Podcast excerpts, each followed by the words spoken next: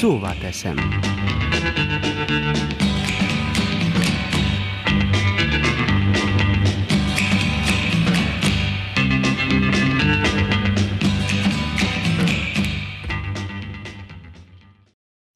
Jó napot kívánok!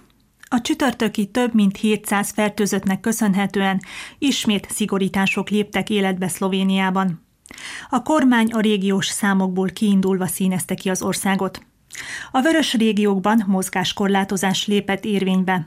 A szabadban is kötelező a maszk viselése. Nem lehet kocsmázni, étterembe menni, gyülekezni, és a kormány ellen sem tüntetni. Fodrászhoz, kozmetikushoz és edzőterembe csak úgy lehet menni, ha minden ügyfélnek jut 20 négyzetméternyi tér.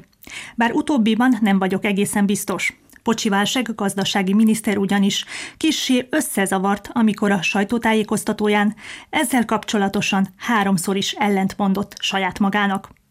Miniszter úr hülyen önmagához most sem volt a helyzet magaslatán. A vörös régióból tilos a narancsárgába való átjárás, kivéve például munka vagy egészségügyi okokból, meg még tíz másik esetben. És ezt figyeljék.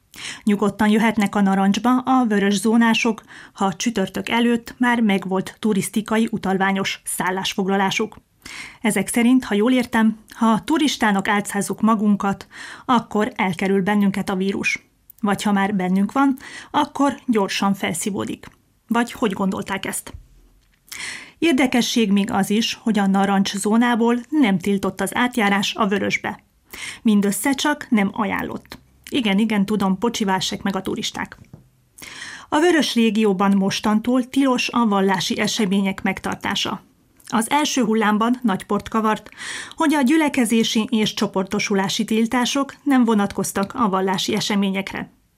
Míg az utcán tilos volt öt főnél nagyobb csoportba gyülekezni, addig a templomban 100-200 ember zsúfolódott be.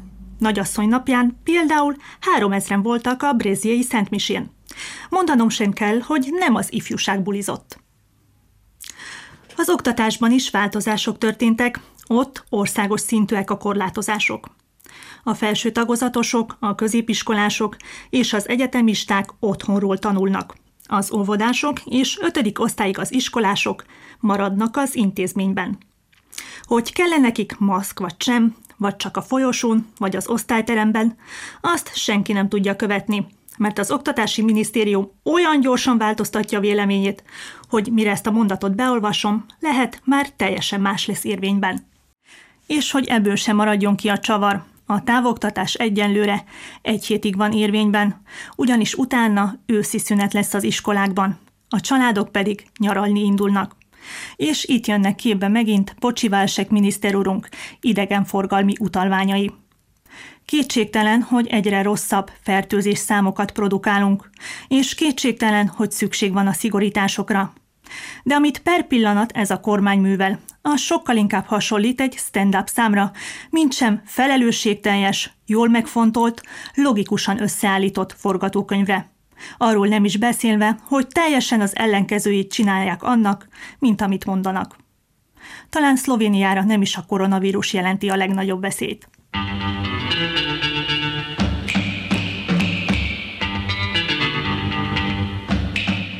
Szóval teszem.